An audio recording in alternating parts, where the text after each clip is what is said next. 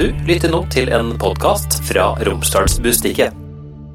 Hør på henne presenteres av DNB, din økonomiske rådgiver fra A til Å.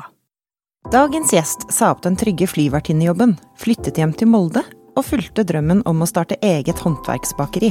Etter tre år gikk hun konkurs, men hun nektet å gi opp. I dag eier og driver hun Fole godt, med 26 ansatte. Hun har et bankende hjerte for både byen og MFK. Kristin Hegdal, velkommen til Hør på henne. Hvordan går det? Det går veldig bra. Kjempeartig å bli invitert til denne podkasten her. I dag er du jo gjest hos oss, men hvordan ville dagen sett ut dersom du var på jobb? Ja, nå har jeg allerede vært på jobb, så jeg begynte jo klokka kvart over fem i morges. For det er mange bestillinger som skal gjøres ferdig. Kvart over fem? Når Ja. står du opp da?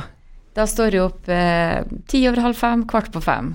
Så det er bare å vaske ut av øynene og komme seg på jobb. Og så hopper du rett i jobbklærne Ja. og ned på Fole godt. Ja. Og hvordan går dagen videre da? Vi har forskjellige oppgaver, da. Så hvis de har sånn som kvart over fem, da er det fordi det er noe spesielt. Da er det veldig mye bestillinger som vi skal hjelpe til å, å få ferdig. Men hvis de har førstevakt f.eks., så begynner de halv sju, og da åpner vi lokalet til klokka er kvart på åtte når kundene våre kommer. Og da jobber vi til klokka er tre. Men selvfølgelig, jeg er jo eier og daglig leder, så arbeidsdagen min er jo ikke ferdig. Så når klokka er tre-halv fire, da, så må jeg nå sitte et par timer på kontoret. Veldig ofte mer enn det òg. Så det er lange dager, men kjempeartig. Det føles jo som at Fole godt alltid har vært i Molde, men eh, når var det du egentlig åpna? Vi åpna sommeren eh, 2008, og da holdt vi til oppe i gamle Nobelbakken. Så der dreiv vi i seks år. Så det er jo stor forskjell fra å ligge oppi i ei lita sidegate i Storgata til å ligge nesten midt i Storgata. Men hva, hva gjorde at du ville starte bakeri? Uh, jeg var, som du sa i sted, så var jeg flyvertinne, og vi fikk unger veldig seint. Jeg var 36-37 år når jeg fikk uh, den første. Da var det plutselig ikke så spennende lenger å være på så lenge hjemmefra, da. Jeg gikk jo tilbake igjen som flyvertinne etter permisjonstida med han første, og så ble jeg søren meg gravid igjen, vet du. Og da tenkte jeg at nei, vet du hva, dette her greier jeg ikke. Jeg grein når jeg skulle på jobb, og jeg grein når jeg var på jobb, og mannen min sa at vet du hva, dette går ikke. Og så har jeg jo alltid interessert meg for mat og drikke, og elska å være sammen med folk, liksom. Og så var det ett sted i Oslo som jeg alltid gikk på når jeg var der. Vi sto i lange køer, og det var åpent bakeri.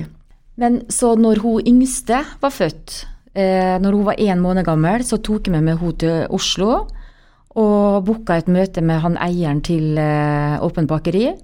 Og fritta han for så mye opplysninger, og han syntes det hørtes så artig ut at de hadde lyst til å starte noe som var lignende sitt konsept i Molde. Og da begynte ballen bare å rulle. Så dette her var jo Hun ble jo født i januar 2007, og vi åpna jo i juli 2008. Det gikk fort, altså. Men når dere starter, altså hva slags bakgrunn hadde du i forhold til det med bakeri og, og bake? Altså kunne Null, Vera. Null. Virkelig ingenting, altså. Det eneste jeg visste, det var det at jeg, jeg storkoser meg når jeg er på kjøkkenet. Det er det jeg og mannen min krangler om. Hvem skal lage mat? Men det var dette her jeg hadde lyst til, og etter å ha bodd så mange år i Oslo, og så flytta jeg tilbake til Molde, så fant jeg ikke det stedet som jeg hadde lyst til å henge på. Eh, vi har fine kafeer og kafeterier her òg, men det var ikke akkurat den type jeg ønska meg. Jeg ville ha den typen der det kunne være litt sånn eh, Alle kunne komme. Det var brukte møbler. Trenger ikke være redd for å skrape litt i bordene eller stolene eller gulvet for den saks skyld. Men så ville jeg at produktet skulle være deretter òg. Det skulle være tipp topp. Så da begynte jeg å undersøke litt, i og med at ikke jeg kunne bake. Hvem kan jeg da? Og det er noe med livet, tror jeg, altså, fordi det var rett og slett tilfeldigheter. Jeg skulle holde et foredrag oppe på Romsdal videregående eh, om det å være flyvertinne. For det var et sånn yrkesdag oppå der. Og så i pausa så sitter vi og så forteller jeg egentlig noen av lærerne hva egentlig jeg har lyst til å gjøre, da, nå når jeg flytter hjem til Molde. Og så sier hun ene at ja, men mannen min er jo baker. Men han er jo industribaker, men han har jo innmari lyst til å jobbe som håndverksbaker. Jeg fikk telefonnummeret hans, ringte han, han sa opp jobben sin. Vi hadde kjempegod kjemi. eh, Vi begynte å skrive menyer og oppskrifter og alt mulig sånn. Og da hadde vi egentlig alt klart, utenom penger. vi hadde jo ingen penger! Ingen penger og ikke noe lokale, da. Så, men det ordna seg. Vi fikk eh, snakk med en god bank og litt sånne ting. her, Så juli 2008, uka før jazzfestivalen, da åpna vi. Og jeg hadde satt, sagt da til han eieren av eh, Åpent bakeri i Oslo at det er én ting jeg ønsker meg. Det er sånne lange køer som du har, sier. Og det fikk jeg. Og det fikk jeg. Og jeg sendte bilder og bare sendte nedover til han og sagt at nå, her drar ikke jeg ifra, altså. Så, så det var starten. Men hvordan turte du å satse? Altså, for det er jo en viss risiko, og du hadde jo i utgangspunktet ikke kapitalen. Men hva er det som på en måte gjør at du likevel bare hopper ut i det og tar sats? Jeg tror veldig mye er rett og slett naivitet. Du vet at hadde jeg visst alt det jeg vet i dag, og det hører jeg gründerne si, at hadde jeg visst alt det jeg vet i dag, så vet jeg ikke om jeg har turt å satse. For fy søren så mye arbeid, og tid og penger og tårer og svette. Men det var et ønske om å starte noe som Molde ikke hadde fra før. Pluss at jeg hadde ønske om å skape min egen arbeidsplass. Og da gjør du veldig mye uten å tenke. Du tenker i hvert fall ikke med hodet, du tenker mest med hjertet, da. Det gjør du. Hvem var det som kom på navnet Fole Godt? Ja, det var jeg og mannen min sammen, fordi at vi drodla litt om dette her, da. Og jeg hadde nesten sånn lita identitetskrise, fordi at jeg hadde ikke bodd hjemme i Molde på mange, mange år, og så skal jeg plutselig flytte hjem igjen. Og da, da var det dette ordet der som kom opp, at herregud, her har jeg det. Dette her er jo så moldenseraktig som bare rakkeren, liksom. Dette vil jeg ha. Og det klinger bra. Det, det klinger ikke like bra for dem som kommer utafor Molde. For det er utrolig mange kunder som Ja, hva er det egentlig boliggodt betyr? Unnskyld, Vera, nå herma jeg etter dialekta di! Det tåler jeg godt. Ja, det gjør du. Så, men det var jo det var derfor, da. Det var den derre Jeg ville ha den derre Molde-følelsen, da.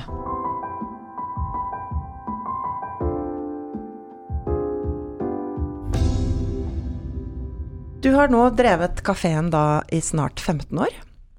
Hvordan går det? Ja, det er jo et rart spørsmål, egentlig. For hvis du ser det utenifra, så ser det ut som om for det godt går kjempebra. Og det går bra. Inntektsmessig så går det bra og alt mulig sånn, men, men det er vanskelig. Det er vanskelig å drive et håndverksbakeri. Vi lager jo absolutt alt sjøl, fra scratch. Og det må mange hender til, både på kjøkkenet for å lage gode lunsjer, og på bakeriet for å lage produktene, og framme i kafeen for å servere og, og informere kundene våre. Så jeg hadde nok eh, forestilt meg at eh, etter 15 år at eh, bunnlinja skulle se litt annerledes ut. Men jeg gir meg ikke. Den skal. Jeg kommer dit, sjø. Du kommer dit? Ja, jeg kommer ja, Det er dit. godt å høre. Tre år etter oppstarten så gikk jo dere konkurs. Hvordan var det? Ja, konkurs det er jo liksom et sånn tabuord, og det var det for meg òg. Det var sånn personlig så følte jeg som et slag i trynet og en kjempefotball rett i magen. Men jeg greide å jobbe meg gjennom det, sammen med gode advokater og Stig, spesielt mannen min. Den erfaringa som jeg sitter igjen med, den gjorde at jeg har vokst mye mer da, som bedriftsleder. Jeg tenker faktisk ikke bare med hjertet lenger, jeg tenker faktisk med, enda mer med hodet òg. og kanskje det var det, for jeg starter jo uten å kunne noe. Og så tror du at du kan, men så får du vite det underveis at det er ikke så bra. Men du gønner på allikevel videre, helt til det ikke går mer. Men eh, jeg greide det. Jeg greide å stå i det. Jeg greide å slippe å stenge for å starte på nytt igjen. Eh, De ukene det sto på, da, så var jeg faktisk ikke eier. Da var det, eh, da var det konkursboet som eide meg. Men det var veldig viktig for meg å stå i det allikevel, og feise kundene mine og si at så gale har det vært, men jeg skal jobbe meg gjennom det. Og det tror jeg gjorde noe med Molde-folk, fordi at de skjønte at det nytta ikke bare å komme én eller to ganger i året og handle. Vi må bruke byen vår, vi må bruke det lokale for at vi i hele tatt skal overleve. Så det blei en stor, stor forskjell etter konkursen.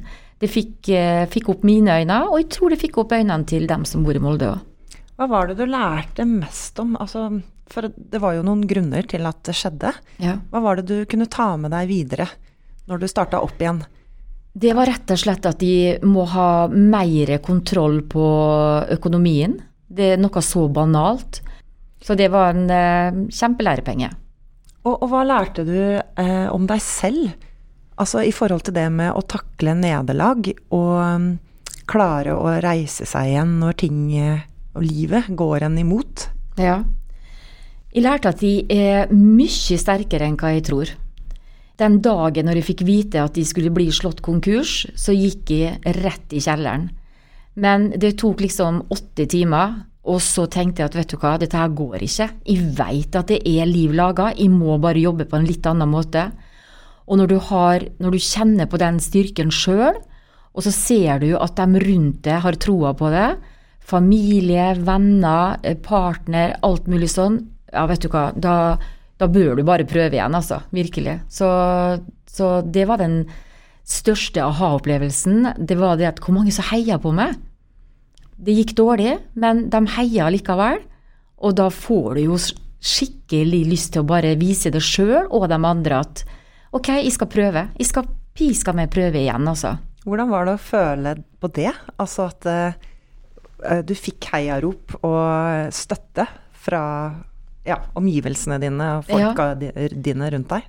Fra kjente og ukjente. Nei, det var, det var en utrolig fantastisk glede det er en sånn glede som du får bare sånn uh, euforisk, nesten, altså. At du tenker at uh, det, det, er jo ikke det at de, de vil at Folegodt skal bestå, men de har liksom ikke skjønt at det var så viktig. Men nå skjønner de det. Og, og all den oppvekkinga som jeg har fått fra byen og fra, som jeg sa, kjente og ukjente, det har vært helt uh, uvirkelig, egentlig, altså. Og det har jo gjort at du får ekstra krefter av, da, til å stå på.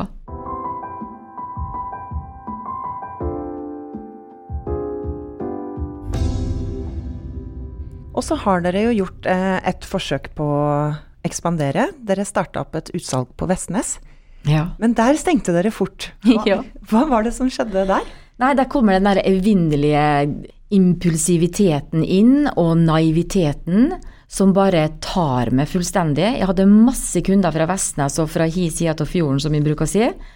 Og de bare Å, du må starte på Vestnes og kjempefine lokaler. Og det var det det var så godt å komme til Vestnes, for det er så fantastiske folk som er der nå. Eh, den lille sentrumet som er der nå, men som hele tida var på utkikk etter nye ting å gjøre. Og så starta jeg, og så gjorde jeg det som jeg egentlig ikke bruker å gjøre. Jeg hadde, tok meg altfor lite tid til å finne de eh, perfekte ansatte.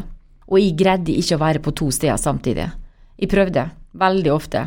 Fram og tilbake, fram og tilbake med ferga, men, men det gikk bare ikke. Din bedre halvdel, eller mm. Eh, din bedre, din halvdel i hvert fall. Ja. ja. Eh, andre halvdel. Ja. Stig, han er jo eh, baker på Folegodt. Hvordan er det å jobbe sammen? Du, nå er han baker, men han har jo ikke alltid vært baker. Men han var jo den jeg alltid ringte til hvis det var noe. Stig, du må komme og hjelpe meg, kan du kjøre ut varer? Stig, du, bakeren er sjuk, du må hjelpe til. Og han har jo alltid vært der og sett, da. Og så, før vi starta, og underveis vi starta, så har jo han hele tida hatt sin egen jobb. Han er jo markedsfører, økonom og sånn. Men han jo, har alltid hatt sånne jobber der han kunne være litt fleksibel. Så da sendte jeg han ned til uh, Åpent bakeri i Oslo. Så fikk han bake litt med, med, dem. Og så dro han til Frankrike, så baka han litt der. Dro han til Italia, så baka han litt der. Så kommer han tilbake og hjelper oss sånn innimellom. Og til slutt så bare sier vi vet du hva, det her går ikke, nå må vi ta et standpunkt for stakkars arbeidsgiveren din. da, Du bare stikker av gårde, og så baker du, og så kommer du tilbake, og så gjør du noe helt annet. sant, ja? Så vi bare hadde et familieråd der vi sa at eh, vi tar en avgjørelse. Eh, er du med, eller er du ikke med, liksom? Og han vil jo være med, selvfølgelig. Og det er det beste jeg har gjort. For han er så dedikert. Og nå holder han på å ta fagbrevet, da. Men jeg må jo si at han er jo griseflink allikevel, for han har jo virkelig passion for det. Og han, i og med at han er medeier, så er det jo sånn at hvis han ser at en deig blir dårlig, så bretter han opp armene og så starter han på nytt igjen. Men det er jo det som er litt sånn spennende med håndverk òg, da. Eh, vi skal egentlig ha f.eks. wienerbrød hver dag, men så har deigen gått skeis, da. Og så får vi det ikke neste dag. Litt spenning i hverdagen. Det kan man si. Men tilbake til det å jobbe med han, det er jo, det er jo en utfordring. Absolutt, fordi vi er jo sammen nesten 24-7. Så vi må jo ha litt sånn regler, da. At når vi kommer hjem, og spesielt når ungene var små eller mindre, så snakker vi ikke jobb før de har gått og lagt seg. Eh, nå gjør vi det. For nå sitter ungene på sine rom med sine telefoner og sånn, så da kan vi snakke jobb. Og det er jo det folk tenker liksom at herregud, det må jo være kjedelig. Nei, det er ikke det. For det er jo livet vårt. Det er jo, det er jo livsverket vårt. Og når vi har Vi er jo så heldige å ha dette sammen, sant? Og det gjør jo at det er kjempedeilig, men så må en passe på at en finner den der eh, balansegangen, da. At vi er kjærester òg. Vi er samboere, vi er foreldre, sant ja. Men det syns jeg at vi har fått til. Hva har den satsinga på å følge drømmen din eh, og starte ditt eget eh, kosta deg? Føler du at du har ofra noe? Jeg er ikke så glad i å bruke akkurat ordet ofre, men jeg, ser jo det at eh, jeg har blitt slutta og spurt om forskjellige ting, da. Fordi at jeg veldig, veldig, veldig, veldig ofte sier nei. Fordi at jeg kan ikke. Jeg skal opp i Otta, så jeg kan ikke være med på artige ting kvelden før, liksom. Eh, jeg har arbeidshelg som jeg har nesten hver eneste helg, så jeg kan ikke være med på den turen. Og, og, og, jeg, og jeg, skjønner dem som spør og spør. Det, det, kommer til et punkt der at de mener at jeg får heller ta kontakt når jeg kan.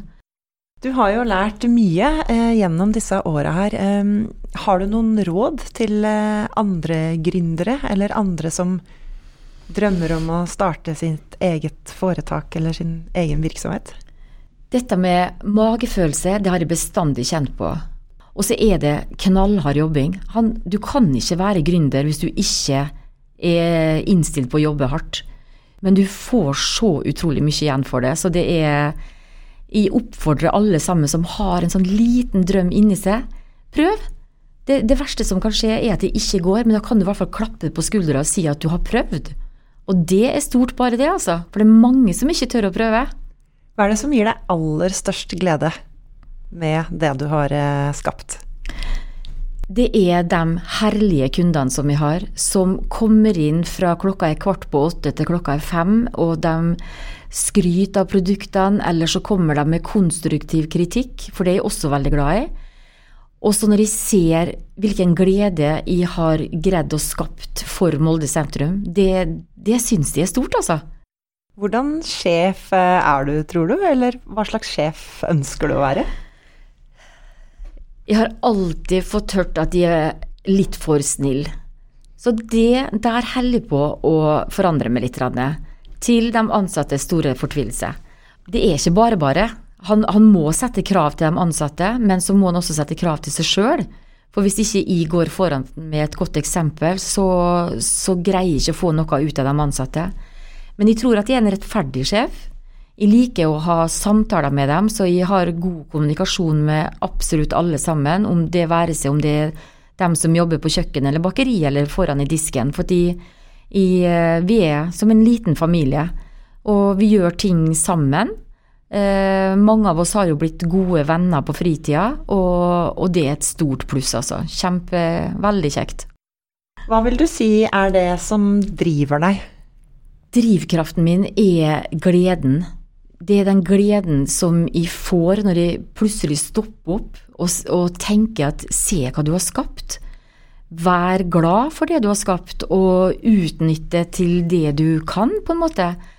Og så ser jeg at det gir så mye til andre òg. Gir arbeidskraft til andre. Eh, gir eh, mat på bordet til folk, og de er glad for det. Og det er jo det, det er produktene som er det aller viktigste for oss. Hadde ikke produktene våre vært bra, så hadde vi heller ikke hatt kunder, og da hadde ikke vi hatt jobb. Så det er jo en evig sirkel til det her, sant ja. Så, så det, det, er den gleden jeg ser i andre, da, når de eh, oppdager det gått. Men blir du rik av dette her? Er du gæren? Nei. Nei, absolutt ikke.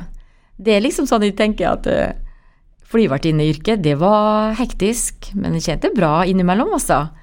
Jeg gjorde det, men uh, akkurat nå i den fasen i livet jeg er, jeg, jeg kan ikke tenke penger. Det er alltid kjekt å kunne hatt litt mer, men der er jeg ikke, altså. Hei, jeg heter Kine og jobber på næringslivsavdelinga i DNB Molde. Vi har hjulpet mange bedrifter å lykkes. Uansett hvor du er på din gründerreise, gir vi deg verdifulle råd på veien. Vi i DNB Molde vil være tilgjengelig for det når du har behov for økonomiske råd fra A til Å.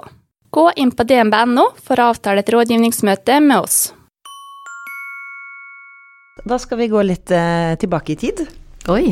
til eh, din oppvekst i Molde. Hvor i Molde er det du eh, har vokst opp? Jeg kommer fra østkanten, det vi kaller for rivalland.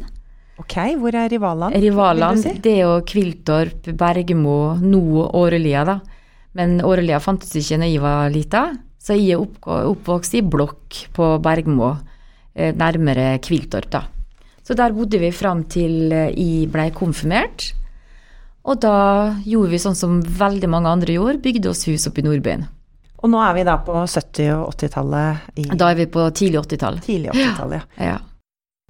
Så mister jo du moren din når du er eh, relativt ung, 26 år gammel. Ja. Eh, Hvordan har det prega deg? Det har vel prega meg mer nå til eldre jeg har blitt. For det er litt sånn eh, Blir litt satt i perspektiv, da. For hun, mamma var 53 år når hun døde, og jeg er 54 år nå.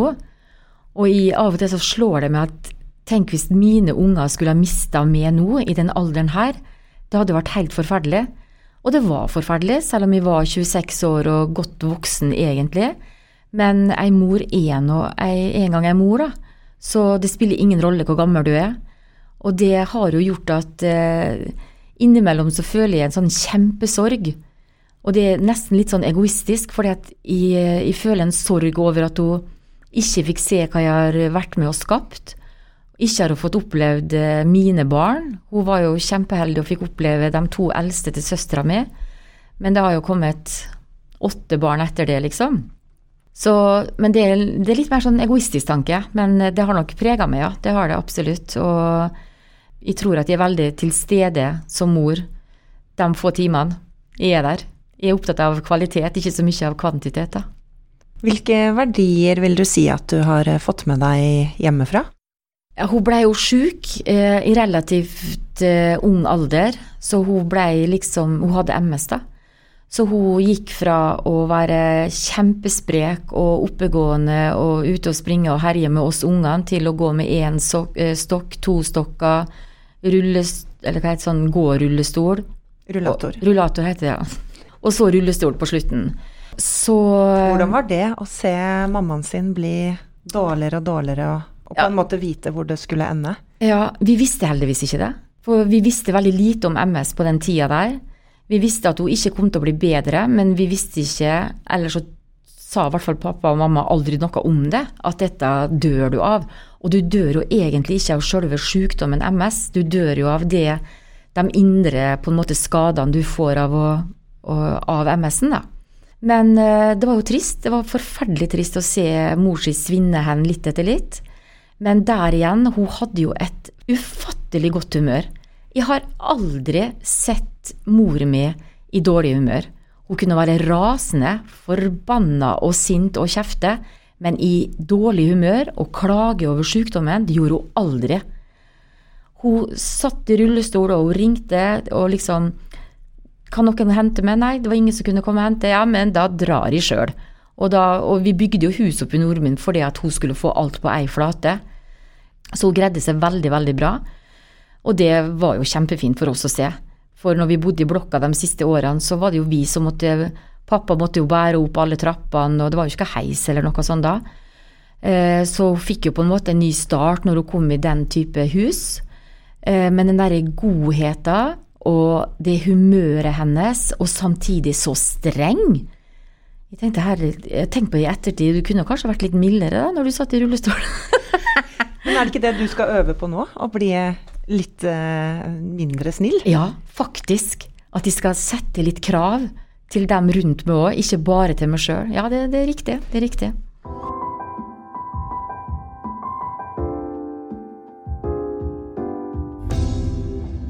Du snakker jo veldig varmt om eh, oppveksten din i, i Molde, og du har jo flytta hjem og starta bedrift her. Vil du kalle deg patriot? Absolutt. Veldig Molde-patriot. Både når det gjelder Molde som sentrum og som handelssted, og som by, og absolutt som MFK, Molde fotballklubb-patriot. Det er jeg, altså. Ikke bestandig bare MFK. Eh, det var jo veldig rival, ligger jo veldig tett i hjertet med meg. Men eh, MFK har jo alltid vært der. Vi har jo, jeg har gått på kamper med dem på gamle stadion og nå på Aker stadion, og det er jo helt fantastisk å følge dem. Du har jo også noen år bak deg som eh, fotballfrue, eh, og det førte deg jo bl.a. Til, uh, til Spania. Ja. Kan du fortelle litt om de årene der? Ja, det var jo veldig interessant og spennende, det. Det var jo der jeg lærte meg den gode spansken. Jeg bodde jo i Spania i fem år. noen av de årene var jo som den såkalte fotballfrua. Det var jo en, en fra Molde som som fikk proffkontrakt i, eh, først i Elche, og siden så spilte han for Rayo Vallecano. Så når han eh, flytta hjem til Molde og fortsatte i MFK, så ble jeg igjen, da.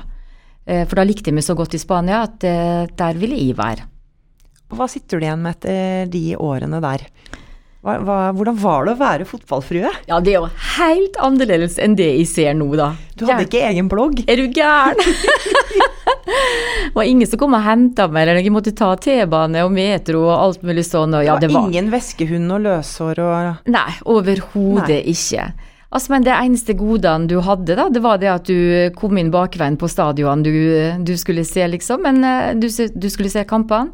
Men uh, jeg var så ung på den tida der at det var liksom ikke det jeg tenkte på heller. Jeg ville bare ut og lære spansk og bli kjent med nye folk og få nye kontakter og nye venner. Og, uh, og så var det jo et kjempepluss å få være med på alle de kampene. Og få se hjemmekamper til de forskjellige. Og noen ganger så fikk vi være med på bortekampene òg. Så vi har jo sett de største kampene med Barcelona og Rayo, Real Madrid. Og når de spiller mot lille Rayo Vallecano, så var jo det fantastisk.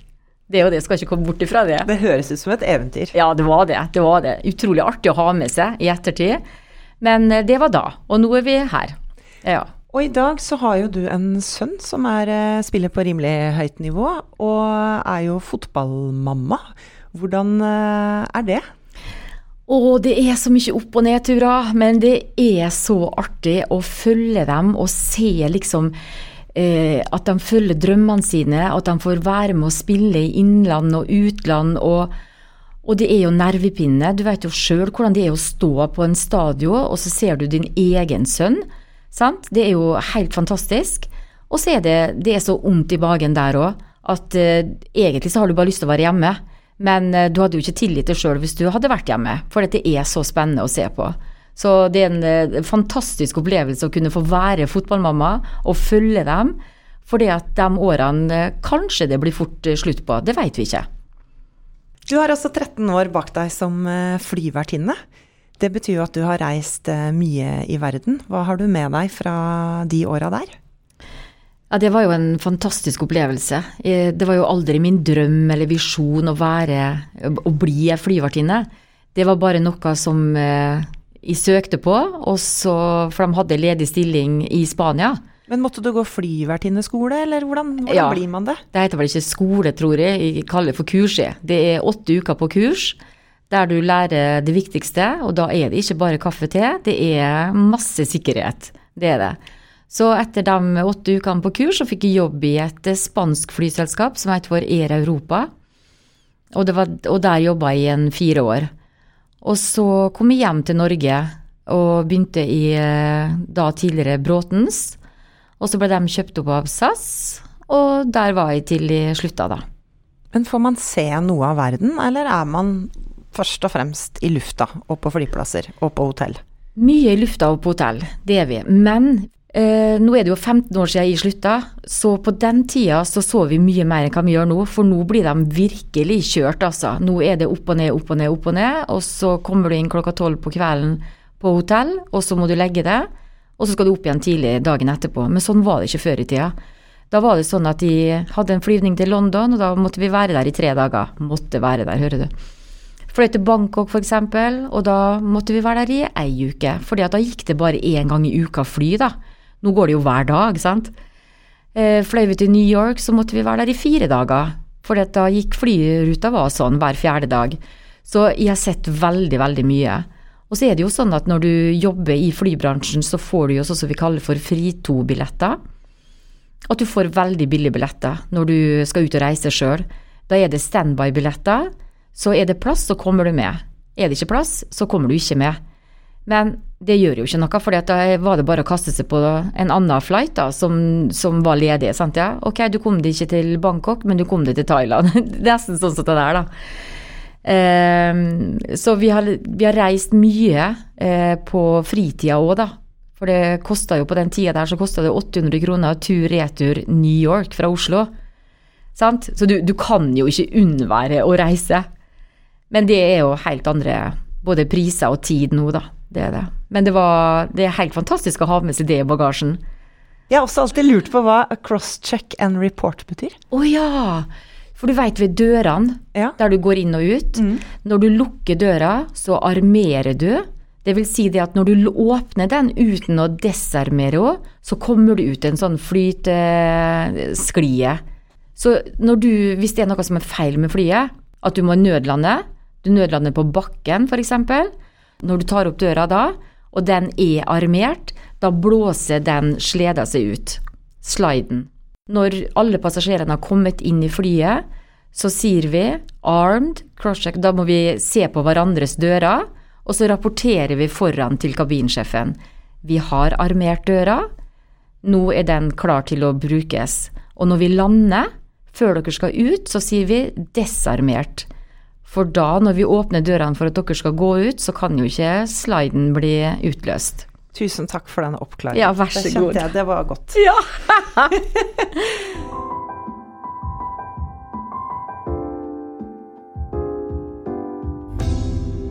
Hva tenker du om eh, framtida for eh, Folegodt? Eh, det er jo tøffe tider nå, økonomisk sett, med økte kostnader. Og mange melder jo om at de sliter. Mm. Vi sliter jo på enkelte områder, vi òg, men jeg tror at eh, vi skal greie oss. Vi greier å gjøre de justeringene som skal til for at vi skal greie oss i den nærmeste framtid. Og ønsket mitt og visjonen min, det er jo det at de skal greie å starte i hvert fall to steder til som har skiltet med Folegodt på seg.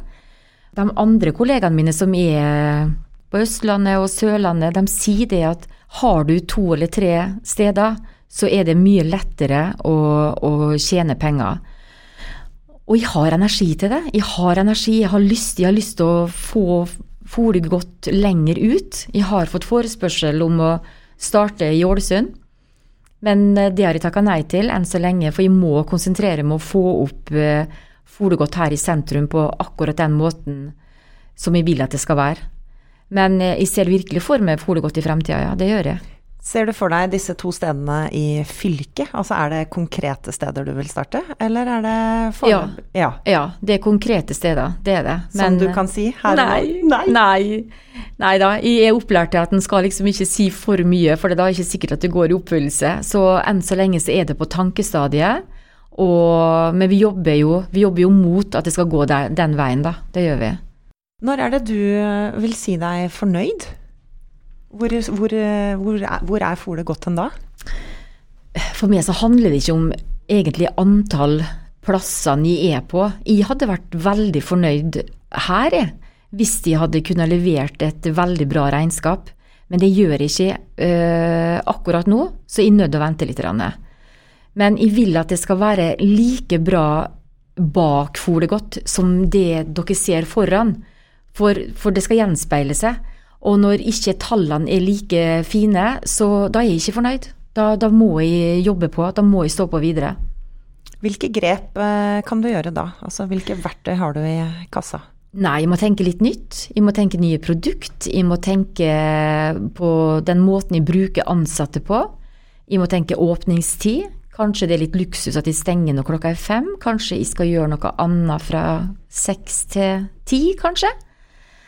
Uh, og det er noe jeg ser på veldig mye, fordi at uh, det er mye folk i byen, selv, selv, om vi ikke ser dem.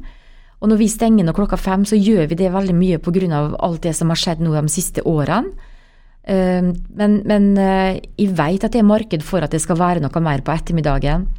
Du kan sitte et sted, ta deg en god middag, en lettere middag enn en, en f.eks. en restaurantmiddag. da men at du kan gjøre det litt lettere før du skal på en teater, etter teater, før du skal på kino. At det kan være en annen type møtested, på en måte, på ettermiddag. Kristin, hva har eh, livet lært deg? Eh, har du et råd som du vil gi videre? Ja. Eh, det beste rådet jeg kan si, det er at du skal være og det er sånn klisjé igjen, da, men det er så riktig. Du skal være mot de andre sånn som du vil at andre skal være mot det. For da tror jeg at veldig mye godt kommer med det. Eh, for vi vil jo gjerne at folk skal være gode og fine mot oss, mot oss. Og da må vi være det sjøl. Vi må tørre å by på oss sjøl. Vi må tørre å gjøre feil, og så må vi tørre å feise de feilene. Alle gjør vi feil, men vi må stå i dem, for vi lærer av dem. Og det er så viktig. Vi må ikke slutte å gjøre ting fordi at vi er redd for å gjøre feil. Det tror jeg faktisk er kanskje noe av det viktigste jeg har lært. da. Og hvis du skulle trekke fram én kvinne i ditt liv som har betydd mye for deg, hvem er det? Vet du hva, jeg må faktisk trekke fram mamma. For det at selv om hun gikk bort i veldig tidlig alder, så tror jeg at har, hun har gitt meg så mye av den styrka som hun hadde, spesielt etter at hun blei sjuk. Den styrka som hun hadde, og den styrka som hun greide å overføre på oss ungene, og ikke minst han pappa, det har satt sine spor eh, som bare er positivt. Så det er jeg evig takknemlig for, selv om hun gikk bort altfor tidlig. Rett og slett. Kristin Hegdal, tusen takk for at du var gjest i Hør på henne. Tusen takk for at du fikk komme, Vera. Takk. Hør på henne er laget av Romsdals Bustikke. Produsenter er Stian Viken og Hanne Fleischer. Mitt navn er Vera Henriksen. Har du ris, ros eller innspill til gjester? Send meg en e-post på hennealfakrøll-r-b.no. Følg oss også gjerne på Instagram, så håper jeg vi høres snart. Hør på henne presenteres av DNB din økonomiske rådgiver fra A til Å.